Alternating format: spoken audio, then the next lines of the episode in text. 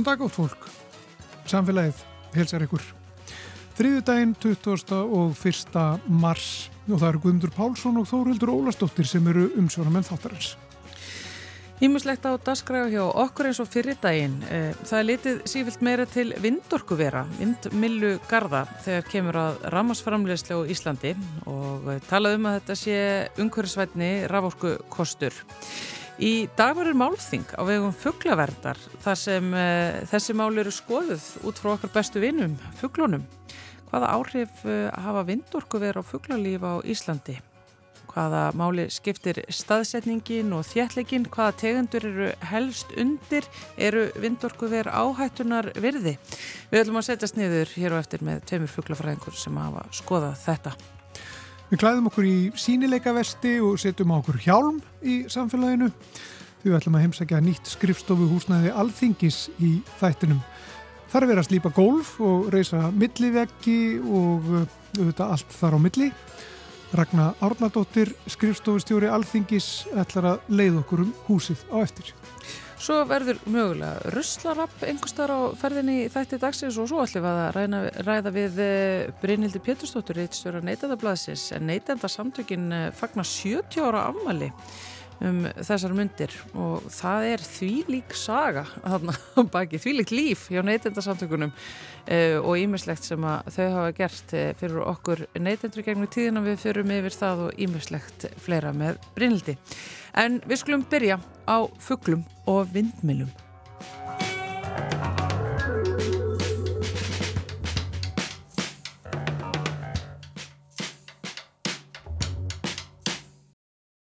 Miklar hugmyndir eru um uppbyggingu vindorku vera hér á Íslandi og að tilefni að því hefur fugglavernd farið að stað til þess að fjalla um sína allra bestu vini fugglana og áhrif vindorku vera á þá. Það verður haldið málþing um þetta síðar í dag. Við ætlum að taka smá forskott uh, hér í samfélaginu varðandi þau mál og fengu til okkar uh, tvo þeirra sem að koma til með að uh, ræða um þessi mál í dag. Það eru aðalsteinn Örn Snæþórsson og Kristinn Haugur Skarpiðinsson sem báðir eru fugglafræðingar. Sælir veriði? Já, sæl. Og fallið millinöfnin ykkar, Örn og Haugur. Uh, og viðegandi, uh, sko þessi mál, uh, áhrif vindorkuvera, vindmilna á fuggla, þetta er rannsaka mjög víða um heim þekkingin er mikið til staðar þið eruð ekkert að í einhverjum grunnrannsóknum, er það nokkuð? Já, aðastegn hérna hefur nú kannski einna mestar einslu af, af slíkur rannsóknum hér á landi og mikið af þeim eru raunverulega grunnrannsóknir. Þó að þessi að yfirfæra einhverleiti þekkingun og aðferðinar þá er hérna, Ísland er nokkuð sérstætt með að viljums Evrópulönd opnar í hérna, opnar að landslag og aðra tegundir og, og svo líkur þetta náttúrulega far, farlega líka margra tegunda sem að þannig að það er að hugað ímsu en hins vegar er af nægu að, að, að taka varðandi erlenda þekkingu og, og efnistök hvernig áraumverulega nálgast þetta vandamál. Það eru kannski það sem er, er megin þátturinn raunverulega hvernig hafa aðra þjóðir raunverulega framkvæmt þessar rannsóknir og hvernig það eru undirbúið þar og svo hafa þær einhver leiti fyllt eftir þegar vindmjölur hafi reistar og kannad áhrifin. Þannig að, að það er mikill nægt að brunni sem hættir að vísa úr. Já og allstætt nefnitt þá með þessar grunnrannsóknir sem að þú hefur farið í, um hvað snúast þar, hvað ert að skoða? Já, rannsóknina sem við gerum eru fyrst og fremst að tvennu tægi, annars vegar eru við að kanna þessa fuggla sem að búa á þeim svæðum það sem að vindorkuverin eiga að rýsa mm -hmm. uh, og svo er það hitt sem er kannski svolítið erfiðara og það eru fugglarnir sem að eiga leið hjá það er að segja fugglar sem að við köttum þá bara farfuggla þeir eiga leið í gegnum svæðið annarkort um langan veg eða bara það geta átt já farið á fæðuslóð öðrum megin við lundin en, en sko farið svo til náttstöðar hinnum með við. Þannig að þeir bara, bara fljúi gegn. Þeir eru ekki heima sjálfu, á sjálfu svæðinu sko. og, og rannsóknir okkar miðast að þessum tveimur hópum sko. Já, eru þið þá bara á svæðinu og eru með kíki og, og, og hugsa, já þessi myndi farið vindmjölu ef hún væri hér? Já sko, já, sko rannsóknirnar á fugglónu sem búa á svæðinu þær eru vel þekktar og það er það sem við hefum búin að vera að gera í tegnslum við framkvæmdir á, já aðra framkvæmdir á landinu, hér á landi mjög lengi og, og hérna en það sem við þurftum kannski svona að fara að huga nýjungum og, og læra nýja hluti var þegar við fórum að spá í þessa fuggla sem eiga leið í gegn. Já. og það sem við höfum gert er að við notum ratsjá. Já, já. Þannig að þá þurfum við ekki að vera á stanum á allan tíman og látum ratsjána bara ganga stöðugt og hún getur þá mælt umferð fuggla í gegnum svæði og svo þurfum við að mæta reglulega til að svona staðfesta hvaða er sem ratsján er að sjá því að ratsján sér bara einhver merki en við þurfum að vita hvað er á baki merkjana hvort það er eitt fuggli eða tveir og tegunda samsetningu og svo framvegis. Og, og hafið þið þá náður svona vel utanum þetta finnst þér með þessum rannsóknum? Eh, þessi aðferð eh, engin aðferð er fullkomin en, en, en þetta er svo besta sem við teljum að menn séu að nota í dag, það er að nota þessa ratsjár mm. það er hafa náttúrulega e, sinn galla eins og allar aðferðir, það er geta ekki greint fuggla í rigningu þannig að við svo, svo sem vitum ekki hvað gerist þegar það eru regdagar en hins vegar eru það góðar að því leita að það er hérna sjáfuggla í myrkri Já. þegar að sjónrænar aðtúanir bara og myndavillar og það aðrir aðferð sem enn hafa nota virka bara alls ekki sko. Já, já, einmitt og það er náttúrulega sömu fugglar sem eru frekar á ferðinni myrkri þannig að þetta er, þetta er svona heilstætt og góð yfir sín þannig laga. Já, og, sérstaklega kannski farfugglarnir, þeir, þeir stundar mikið að fljúa að nætturlægi og, og þeir hérna og það höfum við séð í okkar gögnum, við sjáum ákveðin að toppa í hérna, umferð fuggla, sérstaklega eins og haustin sem kemur í myrkrinu en er ekki yfir daginn sko. sérstaklega fyrst eftir, fyrst eftir sólsettur og, og svo fyrir sólar upprásk. Þannig þá voru við komið þessi gögn frá ykkur sem að rannsóknir sem hefði gert á þessum uh, svæðum þar sem að fyrirætlanir eru uppi um vindorkuver og ef að þessi vindorkuver myndi þá rýsa á þessu svæðum, hvað myndi þá gerast? Já það er sko, þetta er í sjálf og sér við, við hérna metum umferðarmagnið, hvað þetta eru margir fuggla sem er að fara í gegn á tíma einingu og síðan er þetta keirt inn í ákveðið hérna bara reikni líkan sem bara reiknar út frá hvernig vindmiðlunar eru, hvað eru stórar, hvað spaðarnir eru breyðir og svo framvegis og hvað eru margir og þá er bara reiknað út frá umferð fuggla á þessu svæði hvað ættu margir fugglar að deyja mm. á árlega og það er tekið tillit til ímsa e, annars flughraða, hvað fugglarnir eru stóru og þetta er gert eftir tegundum. E, en einn þáttur í þessu sem er kannski svona erfiðastur að spá í er forðun fuggla. Það er hérna, fugglar fljúa ekki bara beint inn í vindmilu bara á þess að sjá þar sko. og það er mjög mistið, þeir forðast vindlundi þannig að þeir taka sveiju, beigja frá, bæði bara veist, orku verinu öllu mm. og svo líka einstungu vindmilum og þetta er svona ákveð hlutall og við erum að nota við staðla sem eru notaðir að Erlendi sem maður þetta er svona, svona punktur sem maður er alltaf svona smá óörugum með. Hvað, hversu líklegt er það ólíklegt? Og þetta veit maður ekkit fyrir, fyrir á það reynir með rannsóknum sko. Já, en það er þó allavega alveg hægt að sláði föstu að það verða tölverð afföll af fugglum með svona vindorkuverum þegar þau skildur ísa Já, það er alveg örust að það, það verður, fullt af fugglum sem reykast á sig að spaða. Það er alltaf bara spurningin sko hvaða þýðingu hefur þetta í, fyrir heldarmyndina. Það er náttúrulega eru sko fuggladegi á því að fljúa rúður og, og raflínur og svo framvegis.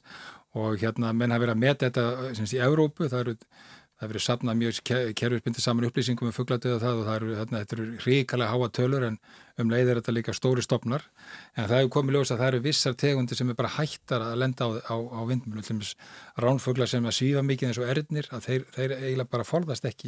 þeir bara taka ekki eftir þeim, þeir eru að horfa annað og, og þeir, þeim er sérstaklega hægt og svo eru náttúrulega ofte eru slíki stofna líf mjög litlir þannig að hlutfærslega getur þetta haft mikil áhrif á, á vissa tegundir þó að, þó að hérna, magnið af döðufuglunum séu kannski miklu meira í öðrum. Já, en sko hvenar fara rannsóknir á þessu að skipta einhverju máli á fyrirætlanir á uppbyggingu? Hvenar, hvenar, hvar eru sásökumörkin eh, ef við tökum til dæmis eins og örnin okkar sem er útrymmingarhættu og, og, og sjálfgjafur myndu þið einhvern tíðan geta sínt fram og bara nei, það gengur ekki að byggja þetta hér út af, því, út af þessum, þessari fuggletegund? Já, þetta verður náttúrulega alltaf mat eh, sem byggir á einhverjum fórsendum og það reyndar með, með, með erðni að því að þú nefnir það sérstaklega þá hefur kannski betri upplýsingar á það margar tegundu vegna þess að það er búið að vera að kanna ferðir yfir að sérstaklega glöndaferðina ár hvað þeir fara og, og þeir, þeir eru með tæki sem mæla sem flugfræða og hæð og annað.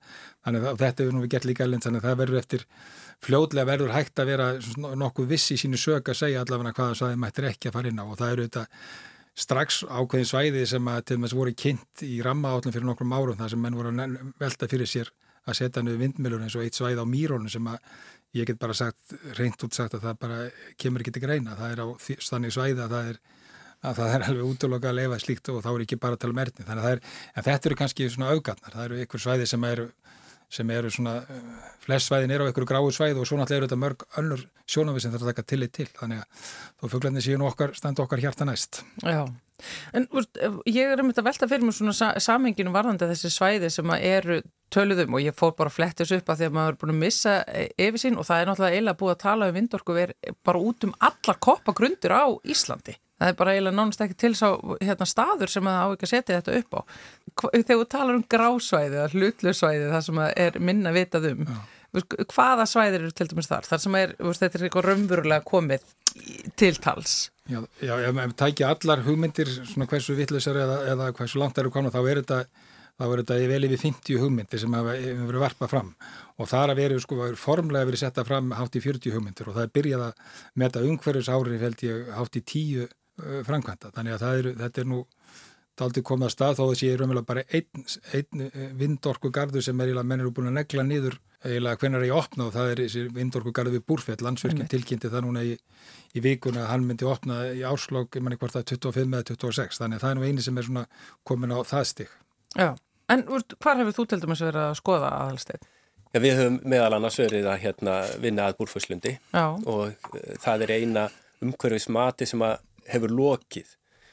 Þannig að hérna og við un, unnum við hans um sé. Já. og svo hef ég komið að nokkrum öðrum, öðrum svæðum en ekkit út um all land og hérna og það, það eru fleiri aðalega sem er í þessu. En uh, varandi þetta þá hérna þá er oft á tíðum þegar við fáum svona fyrirspurnir og við sjáum svona staðsetningu á, á vindlundunum þá að því að ég var að tala um þessa varfugla, staðfuglana og hins vegar þessa sem fari gegna að oft á tíðum þá höfum við svona hugmyndurum bara út frá, út frá búsvæðum og, og slíku hvaða fugglar eru þarna og hversu mikil hætta er. En, en hins vegar er það með þessa farfugla og þessa leiðir fuggla hvar þeir eru að fljúa um landi það, það er bara eitthvað sem er bara mjög illa þekkt. Og, og fer það ekki líka bara eftir veður og vindum náðans líka? Það getur, veður og vind, vindar geta haft áhrif og, og, og tímar ás og tíma dags og svo framvegis. En, en þetta er eitthvað sem að hérna Já, allavega finnst mér mjög spennandi í tengslu við mína vinnu því að við erum að fá inn eitthvað svona upplýsingar sem að, maður bara vissi ekki, maður að sjá eitthvað sem að kemur mann óvart og, og, og slíkt sem er hérna, sem er hérna, já, mjög gaman. En úst, bara til þess að átta mig á því, sko, eru þá vindmilur, þetta er ekki gott mál fyrir fuggla og ættu þá eiginlega ekki að rýsa ef maður hugsaður um þetta engöku út frá bara fugglaverndinni? Þetta er, þetta, er, þetta er mjög erfið spurning því að þetta er og ef við hugsaum sko ef við finnum góðan stað, ef það er góðu staður það sem við sjáum að það er lítið fugglalíf og það er lítið gegnum trekka fugglum þá eru kannski áhrifin ekkert mjög mikil og við erum sko hvað ég segja, við erum að ganga mjög freklega, svo ég segi bara það á uh, búsvæði fuggla, sérstaklega þessa fuggla sem að kannski við Íslendingar berum sérstaklega ábyrð á sem mhm. eru mófugglarnir og uh, þetta er bara já, stöðu ásókn inn á þessi, þessi svæði og uh, hérna vindorku verin eru stór en ef þau eru staðsetta sem þetta ekki lágur þá kannski er það minni áhrif heldur en af einhver annari framkvæmt það sem er verið að fara í mjög háan þéttleika og það er verið að breyta landi á einhvern hátt. Hvað segir þú Kristján Haugur varandi þetta? Er þetta bara svona enn eitt sem að þrengir að okkar bestu vinum? Ég held það sé ótaf að segja og þannig að ég er ekki maður, rétti menn til að spurja því ég er á móti framkvæmdum eins og einhver sagði, þessi öllum framförum en hérna eins og það eru sko það sem kannski mér efst í huga núna í sambandið vindmilu er þessi þrýstingur sem er settur á að, að, að hefjast handa sem fyrst og, helst ekki vera að horfa neitt um axl og það er, er verið fundir hérna stu vikulega það sem verið að tala um nöðsynast að fara í orkurskeft og þetta er að klárast bara innan örfóra ára. Og ég, ég held að það sé sko full ástæð til að staldra við og, og gera þetta vel og nýta þekkingu annara þjóða. Og ekki síst náttúrulega vegna þess að þessi orkurskipti snúast að stóru hluta um eins og flugvélar og skip og það er ekki tæknuleysnir sem eru þegar komnar til, a, til að nýta þessu orku sem að búa til vindmjöla þannig að okkur gefst alveg kostur að gera þetta almeinlega. Já, þannig að þetta er eh, áhætta sem við þurfum ekkert endilega að vera að taka. Ekki með þessum hraða allavega sem að... Já. Já, því mætti kannski bara bregðast við svona framhalda þessu, ég held þetta að sé nefnilega akkurat mjög mikilvægt og ég held að sé líka að við í þessu máli eins og svo mörgum árum þá eigum við að svona flýta okkur hægt og ég held að sé þó svo að sé til mjög margar rannsóknir erlendis sem við getum stutt við og lært af að eins og Kristi nefndi hérna í upphafi sko að íslenski að fugglafána hún er svolítið sérstök. Fugglalífu í Íslandi er aðeins öðruvísi heldur um íast hvar annars þar og það er mikilvægt að læra af þessu og ég held að það sé óbúslega mikilvægt að um leið og fyrsti, fyrsta orkuveri hefur risið að það verða gerðar mjög góða rannsóknir, það verður fylgst með e, þeim niðurstum hvaða áhrif hafa verið þetta virkilega hér á landi? Þannig að við getum lært af reynslunni og spá þá með kannski örgar hætti um hvað gerist annar staðar. Mm. Hvað gæti ein vindmjöla upp á góðri heiði, þar sem að þjættlegi mófugla er svona bara svona þessari venjulegu sömar heiði þar sem að mófuglarnir okkar eru. Hvað gætum drepi marg bara á solring viku yfir sömar? Sko þetta er, þetta, er, þetta, er, þetta er erfitt að segja sko nákvæmlega til um þetta geta verið e, já hvað ég segja? Við, við erum að sjá allavega að svona orgu ver ef við talum bara um orgu ver sem er þá með einhver e, nokkrar vindmilur þau geta verið að taka niður e, kannski einhverja tugi mófugla á hverju ári. Ah. auðveldlega bara á svona það sem er ekki mikill hljallegi en ef þú ferð inn í einhver svona mjög góð svæði að það sem er mikil flugumferð þá getur þetta orðið náttúrulega bara mjög háar tölur. Það er nú eitt sko með, með sko við erum náttúrulega að drepa mjög mikið fuglum óbeint og það eru hérna og það er nú oft notaðið mitt varðandi sko þeir sem eru miklu talsminn vindmila þetta sé svo lítið samanbyrðið annað sem við drepum en þetta telur allt og hérna það kemur náttúrulega einhver, eða eru sársökamörk fyrir suma tegundur og sum svæði þannig að það er það er engin ástæði til að fara að ráðast í stórfælda uppbyggingu á þess að hérna, geta, með, geta með sæmilum hætti meti hvað áhrif þetta hefur. Mm -hmm. Já, þetta er líka kannski bara í, í þessu samhengi sko að svona eitt orkuver, ef það er rís eitt orkuver að líkunar og það hafa einhver áhrif á einhver, einhver að stopna, eru náttúrulega hverfandi. Það eru náttúrulega fullt af fugglum sem munir deyja en það kannski hefur óleiklega áhrif á stopnana en eins og, eins og ég sagði þarna á sko, við erum að ráðast inn á þetta á svo víða inn á heimili þessara fuggla og með afföllum annarkort með því að missa búsvæði eða með eins og svona beinum afföllum eins og vindmilu getur gert líka þá, þá telur þetta allt Takk hella fyrir þetta fundur fugglaverndar um uh, vindmilur og vindorkugarða og uh, fuggla verður uh, síður í dag í ösku náttúrufræði húsi og hefst klukkan fjögur Ég þakka ykkur kjallaði fyrir að koma ynga til okkar í samfélagið eh, aðalsteinn Örn Snæþórsson og Kristinn Haugur Skarpjænsson, fuglafræðingar.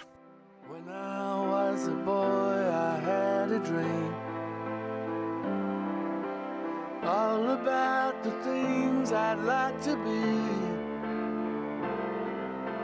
Soon as I was in my bed Music played inside my head When I was a boy I dream.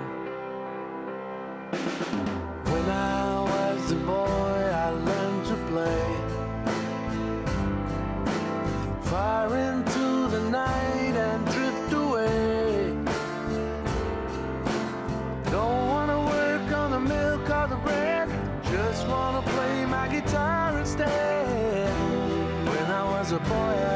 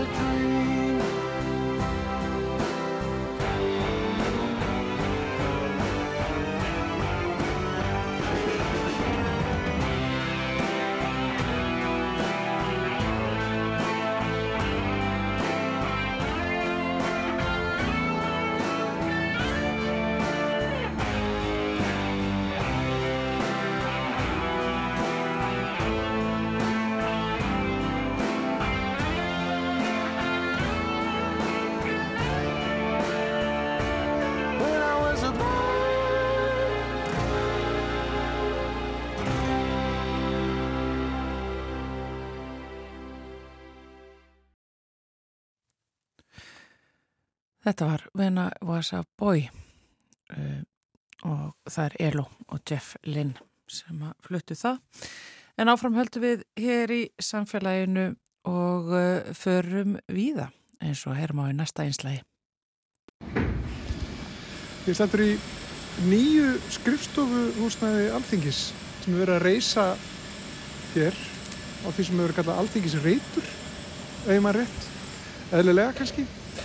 Uh, hér eru menn á fullu að, að klára bara, þetta er mjög langt komið og hér er Ragnar Ornadóttir, skrifstofustjóri Alþingis uh, með hjálm á höfðinu. Tegum ekki vel út en allt í lagi. Hér er verið að slípa gólf til dæmis og, og ímislegt fleira. Þetta er býstan langt komið.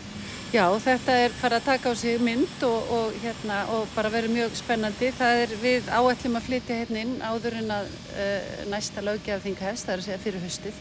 Við vonum að það standist en hérna, þetta er nú svona, verður afhengt í áfengum, þetta hús. Þannig að hérna, eins og þú sér þá er þetta hér allt á fullu og, og margt langt komið. Annað kannski aðeins kemur. En það verður bara, þetta, það verður spýt í lóana, bara að klára þetta. Já. Og hvað er þetta mikil framkvæmt? Sko? Þetta hús er hvað um 6.000 fermetrar er það ekki alls? Jú, sko, er, hæðirnar eru svona 1000 fermetra hverja fimm hæðir og svo er eh, 1300 fermetra bílakjallari hérna og tengigangur við, við hérna þinghúsið. Þannig að já, þetta eru eh, 6000 pluss með öllu.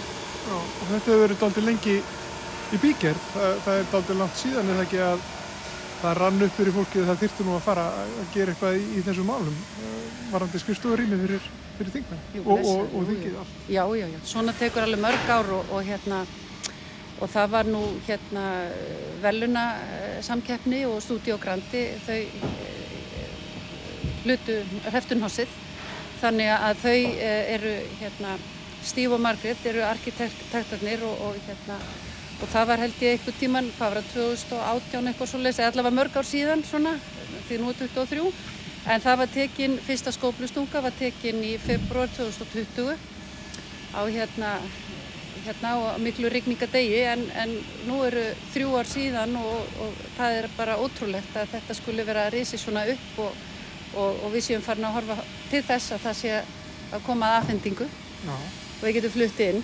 Þetta er ótrúlegt.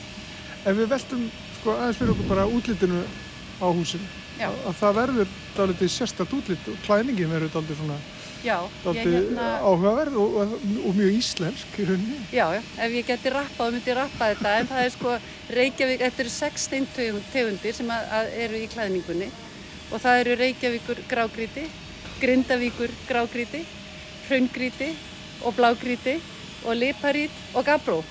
Yes, já, ég, já, og, og þessar steintegundir verða líka hér í gólfunum á fyrstu hæðinni. Þannig að eins og sér hér er verið að slípa mm -hmm. gólfin og þetta verður náttúrulega eitthvað þetta verður bara að vera listaverk. Það verður svo flott.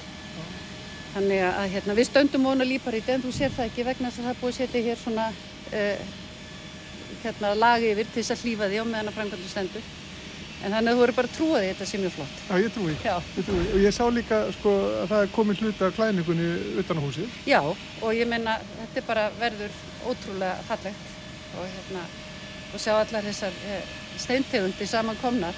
Þannig að, að, já, það verður flott að sjá hvernig þetta, ge- spennandi að sjá hvernig þetta kemur út á lóku. En þörfin aðeins, við tölum að sem hana, fyrir þetta hús. Já, sko við erum að leia eh, lengju hérna, Östustræti, 8, 10, 12 og 14. Eh, megnið af lengjun eru við að leia, ekki alla samt.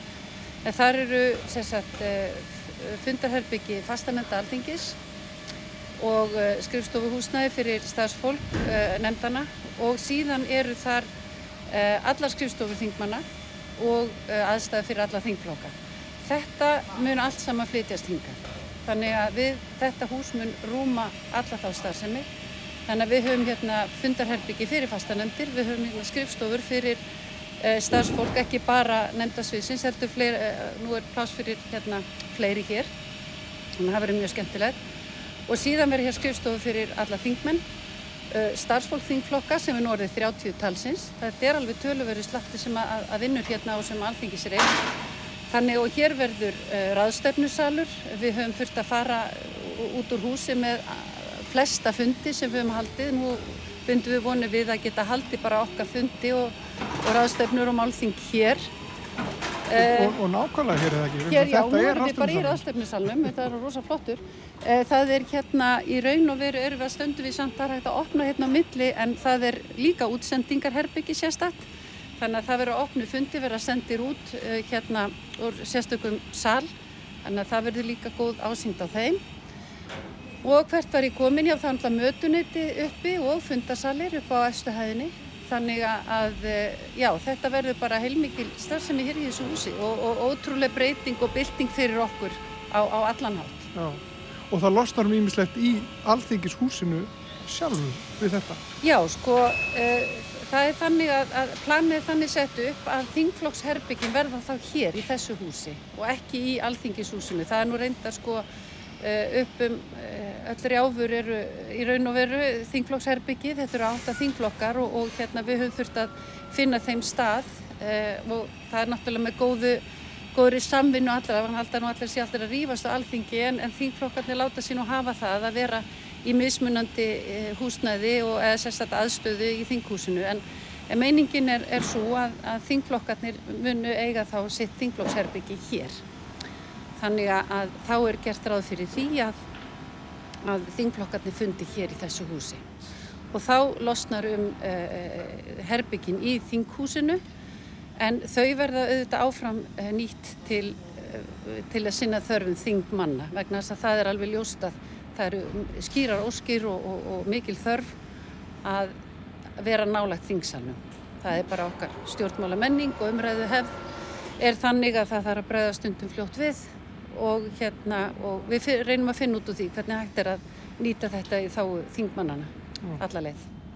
Svo ímislegt sem kom, er það ekki í ljós þegar var verið að grafa hér, um þess að hér hefur náttúrulega verið byggð eh, lengi eh, hér á þessu sveið og ímislegt sem var grafið upp. Já, hér fundust uh, fornleifar og einhverju munir sem að, að, hérna, að verða til sínis. Það er gert ráð fyrir því að það er sérstakur svona garður hérna, hellusteins garður og stígur yfir hann þar sem að hægt er að, að sjá uh, hérna, uh, hluta af, af, af því og, og þar verða til sínis líka í, í hérna, einhverju af þessum munum sem ekki krefjast sérstakrar varfiðslu við. Það er að segja sér hægt að hafa þá þar í í kössum, svona glerkössum eða eitthvað svo leiðis. Þannig að það er svona til þess að heiðra fortíðina og hérna bara vera minnuð þess hvar við erum stödd og hvað hefur átt sér stað hér á þessum reynd, alþingisreitnum, það er ímislegt. Já. Þetta er náttúrulega einn eh, hlutum, Reykj- eh, hluta Reykjavíkur og, og, og ég veit það ekki. Ef að, ef að jörðin hér geti talað, hvað myndi hún segja okkur? Það væri eitthvað sitt hvað hugsa ég. Já og talandu það að jörði geti sagt okkur ímislegt að þá hérna, er það líka svona hérna, til að heiðra, heiðra okkar tilveru og fortíð þá er hér uh, fyrir utan verður þá svona uh, milli húsins og, og götunar verður svo kvöldi landnámskrifja og hún þjónar ímsu tilgangi en það er bara gaman að segja frá því að að hún er þá uh, það djúb að hérna, hæðin á henni er, er dýftin, hún miðast þá við uh, þá stöðu sem að, jarðvegurum var hér í eina tíð Já. við landnám. Þannig að, að hérna hvað er það 1.70 held ég sem hún er á dýft landnámskrifjan þannig að, að það bara kennir auðvitað ímissa grasa hér allt um kring. Það verða líka tvö listaverk hérna. Og hérna það verður heljarinn að pendull við, við eh, ingangin og, og síðan verður hér svo kallað flækjuloft sem að er úr, eh, gert úr álafgöngum. Þannig að já það verður bara gaman að, að sína þetta og segja frá þegar þetta er alltaf komin á sinn stað. Já. en þetta er svona verður áhugavert og fallegt umhverfi við að færa úr upp? Við að kíkja? já, gerum það, snöggast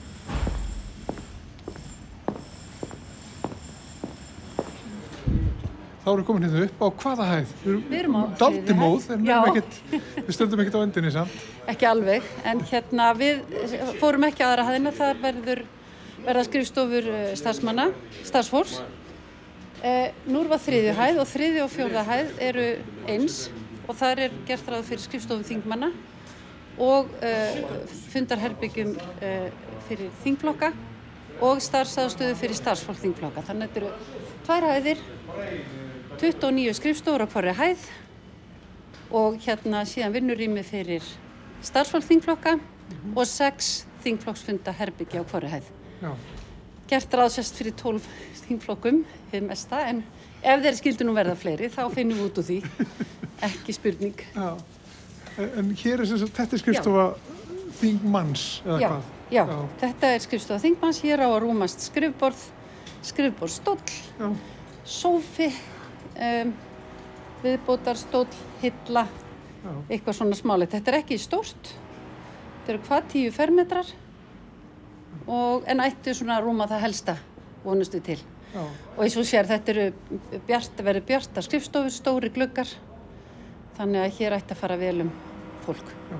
Þetta er aldrei talað um opin vinnur í mig núna, sko. Já. Mér sé hjá hennu opinbera. Jú, jú, það er bara, Þetta er, hérna, það var ekki fyrir. Já, en sko, var það rætt? já, að já, sko málið, já, það, það gerir það víst. Það er allavega fyrir sko starfsfólk sem er hérna á annari hæð, þá eru þessi verkefna miðuðu vinnurými, Já. eins og þau heita.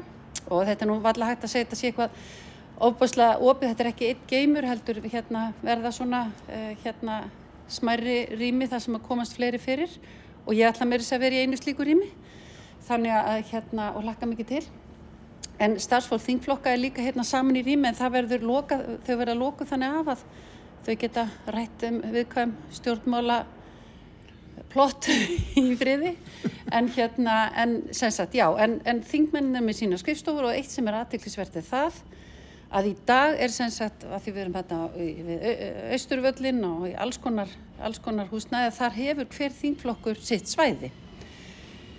Það mun ekki vera alveg þannig hér. Auðvitað mun, sko, munu þingflokkar og star, hérna, þingmenn og starfsfólk þingflokka vera mjög nálægt hvort öðru. En það er ekki svona neinn aðgrein, það er ekki veggir á milli þingflokka hér. Þannig að það er hér er bara, eins og sér, eitt gangur, annar gangur, þriði gangurinn og, og þannig lagað upp á milli. Og það verður auðvitað ákveðin eh, svona kultúrbreyting sem að fólk þarf að venja að sjá. Þannig að hérna, já, það er ímislegt sem að, að við þurfum svona, ímislegt sem að þarf að breyta og breytist eðlilega þegar að fara í svona nýtt húsnæði sem lítur öðruvísi út heldur en það sem við erum í. Er eitthvað hugað sérstaklega eitthvað um öryggismálum? Já. Já. Var það hugsað eitthvað upp á nýtt? Já, já, já. Það ekki færi nota fyrst að vera að Já, nýtt já, húsnæði? Já, já, já, já. Og hér er verið hérna, þetta er, það er hugað að því öllu saman hér og, og hérna. Og ingangurinn hann verður hérna á hotni vonastrætis og, og, og, tjarnagötu og, og þar verður auðvitað uh, örgisráðstafanir. Uh, þú sér það, þú komst núna í þinghúsið áðan að þetta er, við erum ekki með eins og önnur þjóðþing uh, svona einhverja leitarvélar og, og, og svo leys ekki nema það þegar fólk fer bakvið og fyrir upp á þing, þing, þingpalla. En, en hérna þetta mun breytast og þetta verður svona, hér verður verða öryggismáli vonandi í góðu horfi, samkvæmt nýjustu tækni.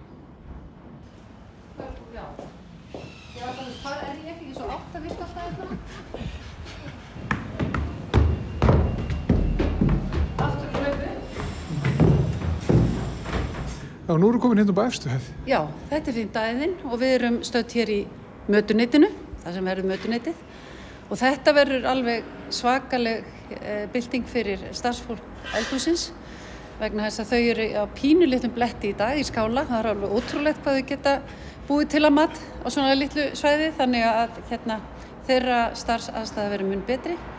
En svo verður hérna þá mötuneyti og matsalur og hérna líka fundarsalir. Síðan er hérna, uh, eru hér svalir, dásamlegt útsýni og vonandi verður alltaf lognaður og gott viður. Mjög líklega. Mjög líklega alltaf gott viður. En hérna, já, þetta verður líka mikil uh, búbót eða breyting fyrir okkur að, við erum með þá viðbótar fundarsali sem að hægt er að halda alls konar fundi í því það er bara vesen í dag að finna fundarherbyggi í, í, hérna, í þinginu fyrir alls konar fundi. Þetta ganga nefndirna, fasta nefndirna fyrir í svínum fundasölum. En það er svolítið önugt að þurfa að vera alltaf að fara út fyrir húsið að halda fundi. Þannig að, að þetta verður alveg frábært. Og útsýni mun ekki spilla fyrir þannig að þetta vera góða niðurstöður á öllu fundum, hugsa ég. Hvernig hafa áallanir staðist svona bæði, bæði tíma og, og kannski og fjárhastlega? Hefur þetta, hefur þetta staðist áallanir nokkuð vel? Eða? Sko á endanum mun þetta vonandi standast uh, sæmilega en það verður einhver dráttur á afhendingunni eins og hún var áallið í upphafi uh, í staðin fyrir að fá þetta allt saman núna í vor að þá fáum við þetta í áfengum frá og með vorinu og til haustsins Þannig að, að þetta á allt á endanum að ganga upp. En þetta er bara í svona framkvæmdum, það er alltaf eitthvað sem að, að kemur upp á og, og, og, og svoleiðis en, en ég held að aðila séu bara sammálum þar inn að leysa þetta þannig að við getum flust inn í haust. En, en peningarnir? Já, það hefur, stað, já, það hefur staðist hingað til eh, en svo auðvitað eins og í öðrum verkum það þarf að ræða einhver ákveðna þætti, einhver óvissu þætti og hérna en við bara bindum vonu við það að þetta mun allt standast. Eh, við erum ráðinn hér til þess að sjá um það, þannig að það er eins gott að það gerist. Ég veit það. Sko ljúka þessu svona Ragnar Átnandóttir, skrifstofustjóri Alþingis. Takk fyrir að taka mótið mér hér og, og sína okkur nýtt skrifstofuhúsnaði Alþingis. Ránægilegt, takk.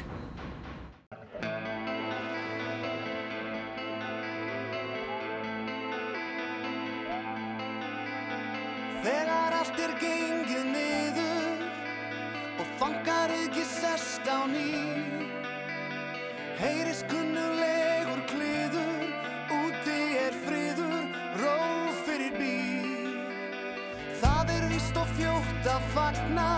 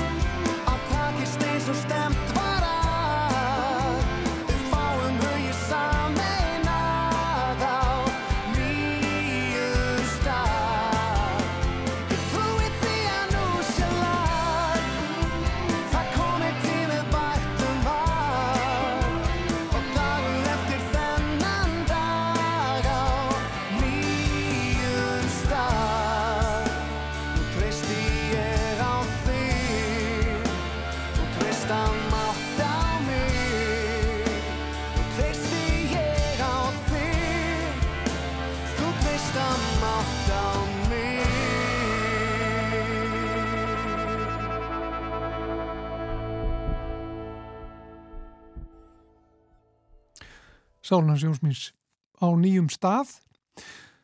Við ætlum hér á eftir að fjalla aðeins um neytendarsamtökin sem að fagna 70 ára stopnafmæli. En áður en við heyrum það þá ætlum við að hlusta á Ruslarapp.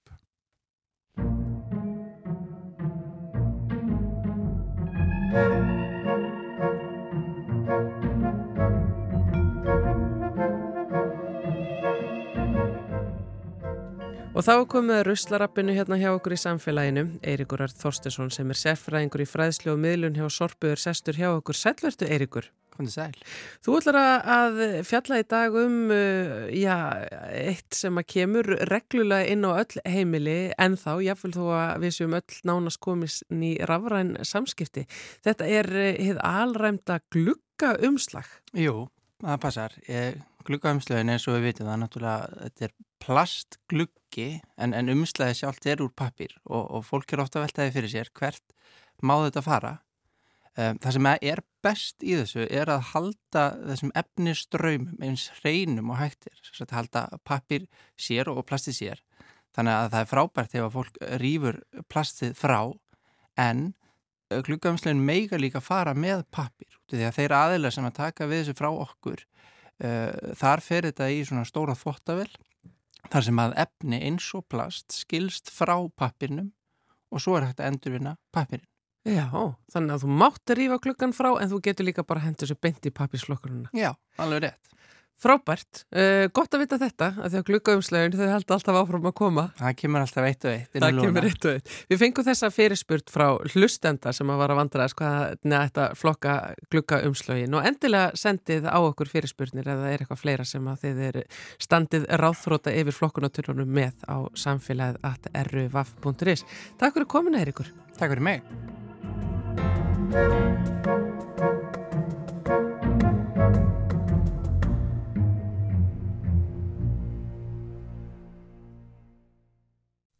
Þá er komið að smá neytendaspjalli hérna hjá okkur í samfélaginu eins og við tökum reglulega og í dag ætlum við nú bara að halda upp á smá ammali því neytendasamtökin verða 70 ára í ár. Sælvertu Brynildur Pétursdóttir og til hamingju. Já, takk fyrir það. Það er bara þannig að ammali er núna bara í vikunni, 23. mars er ammælistagurinn. Hvernig myndur lýsa lífi neytendasamtakana síðustu 70 árin? Hvað er breyst og gerst? Það er, það hafa skipst á skinn og skúrir, getum við sagt, en það er áhugavert að, að neytendasamtökin sem er stofnum 1953 eru svona með elstu neytendasamtökum í heimi. Það voru reyndar mjög mörg neytendasamtök stofna á þessum árum þarna, millir 50 og 60.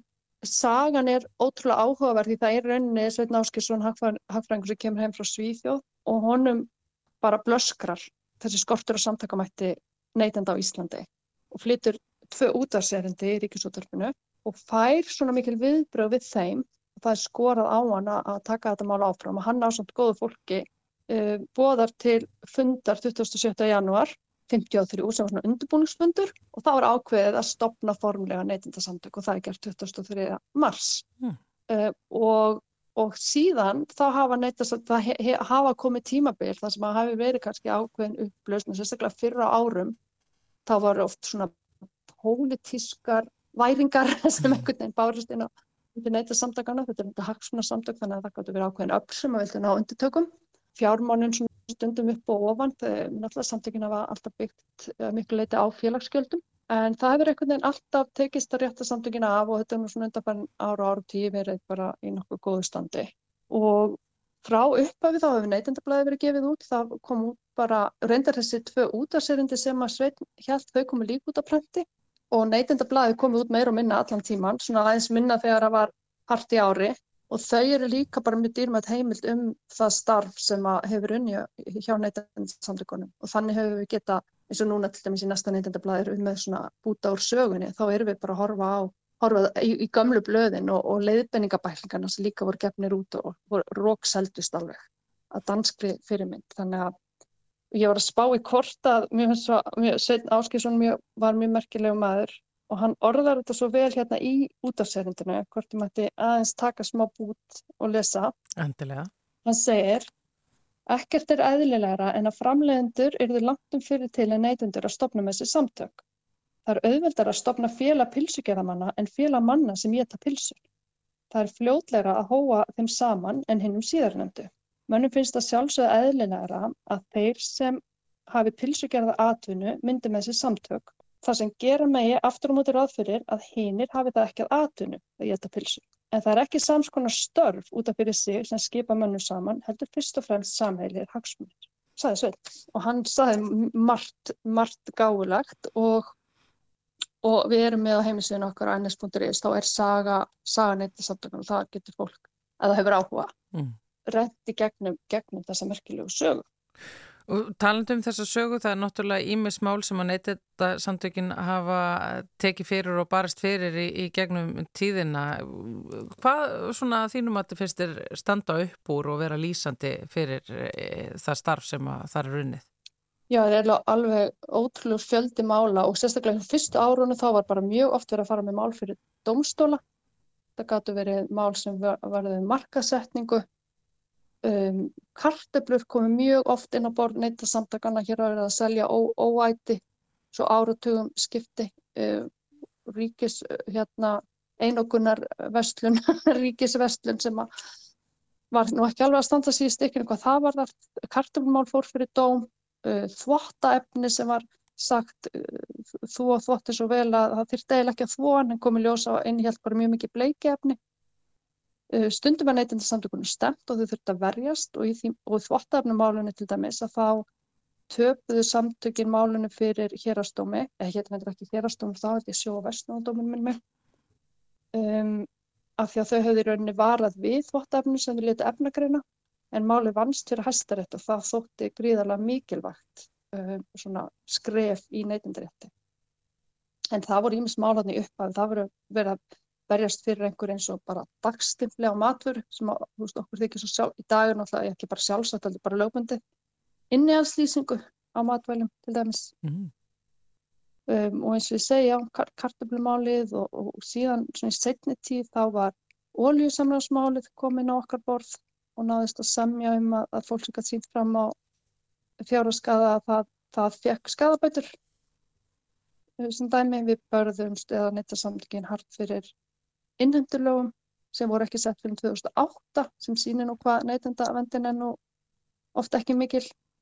Uh, einni lögum greiðslu aðlögun, eitthvað sem að neyttarsamtökin hefur barist fyrir lengi og ábyrðamannakerfið og eitt af því sem ég held að neyttarsamtökin getur verið mjög stolt af það er samkomulag sem var gert með neyttarsamtökan ráðaneytis, viðskiptarráðaneytisvæntalega og, og fjármálastofnana um uh, svona réttindi ábyrðamanna að þeir væri upplýstir um hérna, stöðu landtakanda og, og þarflundi göttunum því að það var þannig lengi vel að allir sem tóku lán þurfti rauninni að fá ábyrðamann til að skrifa undir og það var bara heilu fjölskyldunar sem bankin gekk síðan bara á þessar ábyrðir voru jafnvel að lána fólki sem fyrir lága voru ekki á borgunum fyrir skuldunum. Og þetta var bara hræðilegt og síðan er það ekki fyrir en eftir hrun að fá allt í einu rankar fólk við sér hann á alþingi og greiðslu aðlögun, lögum greiðsluan aðlögun fyrir gegn, en þá af yllirinn nöðsum getur við sagt. Já. En eitthvað sem samtökinn hefur barast fyrir bara árumskipti. Þannig að mér svona með horfur söguna þá er yfirleitt þannig að ef að neytasamtökinn er berast fyrir einhverju þá verður það yfirleitt að endingu að veruleika. Hmm. Þannig að maður getur hugsað af hverju ekki bara af hverju ekki bara horfa strax til þessara baráttu og vera fyrir til. Og svo er það náttúrulega líka uh, eitt sem að stendur þér nær sem reitstjóri neytendablasins, það er öll þessi neytendafræðsla og bara svona litlu atriðin og leifinningarnar sem að er verið að reyna að koma út til almennings. Já, það er bara þeim mun, upplýstari sem neytendur eru, þeim mun betri neytendur eru þeir og þeim mun betri verður markaðurinn í rauninni. Þannig að neytasamtök hafa verið að byrta gæðakannanir og, og neytasamtökin hafa lengi hefur bara já, áratugum saman skrifa til dæmis um umhverfismál af því að það eru auðvitað neytendamál, stort neytendamál, kemísku efnin í, í, í nestluvörum, er eitthvað sem við höfum skrifað mikið um og, og upplýsta neytendur um munin á uh, einhverjum umhverfismerkjum sem eru bara grænþvottur og svo önnur sem eru ofinber, þannig að neytendur þekki munin á þessu og þannig að það er, já, þetta er eiginlega endalust, við gætum örgulega að gefa út neytendablaði hverju viku, það er bara af svo af mörg að taka. Við þessi tímamót, hver er framtíð neytendasamtakana? Um, ég býst við að þau verði bara til svo lengi sem það er líf á jörð, þessari jörðu uh, og í dag erum við til dæmis uh, með eitt dómsmál sem er vakstamálið. Allir það sé ekki stærsta máli sem við erum með uh, þessa stundina og síðan erum við þetta, og það var eitt fyrsta verkefni neytasamtakana var að aðstofa neytendur sem að e, þurfa bara á okkur lagalegri aðstof að, hérna, að halda í tengslum við eitthvað ósætti við seljendur. Og það er eiginlega, já, mjög mikilvæg þáttir í starfsemin okkar, það er þessi neytenda aðstof, aðstofum líka neytendur þörft yfir landamæri ef að við skiptum bara fram í Evrópu og höfum svo frá 2012 minnum mig reykir leyenda aðstofina líka sem aðstof fyrir, lagalega aðstof fyrir leyendur. Mm. Þannig að þetta er, þetta er kannski þá, svo þáttir starfsefni sem fyrir ekkert hátt en við, þetta er kannski einhverju 4, 5, 6 þúsund erindsið sem við erum að fá hverju ári. Þannig að þetta er, já það er bara, eins og ég segi, af, af nóg að taka um að gera að spýta í lóuna og, og uh, halda áfram en uh, þú ert vantarlega með alls konar gammalt efni í höndunum núna þegar, við þessi tímamót 70 ára ámalið, er það ekki? Jú, við höfum verið að skoða og höfum alltaf endalins gaman að því að skoða leiðbenningabæklingarna sem komu út um nokkur ára skeið frá upphafi og voru mikilvægt tekjulind það voru uh, seldar auglýsingar í, í þessa bæklinga og þeir voru svona svolítið fyrir tíðarlandunum vitni þegar hérna þeim var svona beint ímest til hvenna eða karla getum við sagt. Til dæmis e, bæklingar um eldhúsáheld og þá segir í honum orðið þið húsmaður verða að ganga ríkt eftir því að þeir aðelas ráða innflutningnum flytja inn góð áheld síðan var sérstaklega bæklingur um nælonsokka. Að það bar mikið á kvörtunum frá konum um að nælonsokkar endust ekki vel. Og þá segir langar og beittar neglur á tám og fingrum, svo og steinfingar er í flokki verstu óvinna býtna nælonsokka. Og í sama bæklingi segir, hægt er, prí, hægt er að fá príðilega karlmann sokka, bæðu nælontrefjum og loð næloni og krep næloni. Þeir eru heldur dýrari en bómullar ullasokkar en bæta það fljóðlega upp með endingunni og þá sparast ekki lítill tími hjá þeim húsmaðurum sem þurfa ekki að staga í sokka húsbandans. Lóðnælun? Já, ekki spyrja mér nálur út í það. Já, þetta er algjör gullkista þarna. Eh, þú tekur vendalega eitthvað saman fyrir næsta neytendablað þegar gerir ég ráð fyrir Bryndur Péturstóttir. Já, þetta verður þessi, þessi nælun, þeir sem er forvittnum þetta, geta krækt sér í næsta neytendablað. Kemur út í apríl. Gamla ráðleggingar falla aldrei úr gildi. Takk hérlega fyrir þetta og til hamingi með ammælið. Takk, takk. Það er nefnilega það og þannig ætlum við að ljúka samfélaginu eh, á þessum ágæta þriðju degi. Guðmundur Pálsson og Þórundur Ólastóttir þakka fyrir sig í dag en við minnum á það að við verðum hér að sjálfsögðu á morgun á sama tíma millir klukkan 1 og 2. Já, missi ekki að því. Verðið sæl.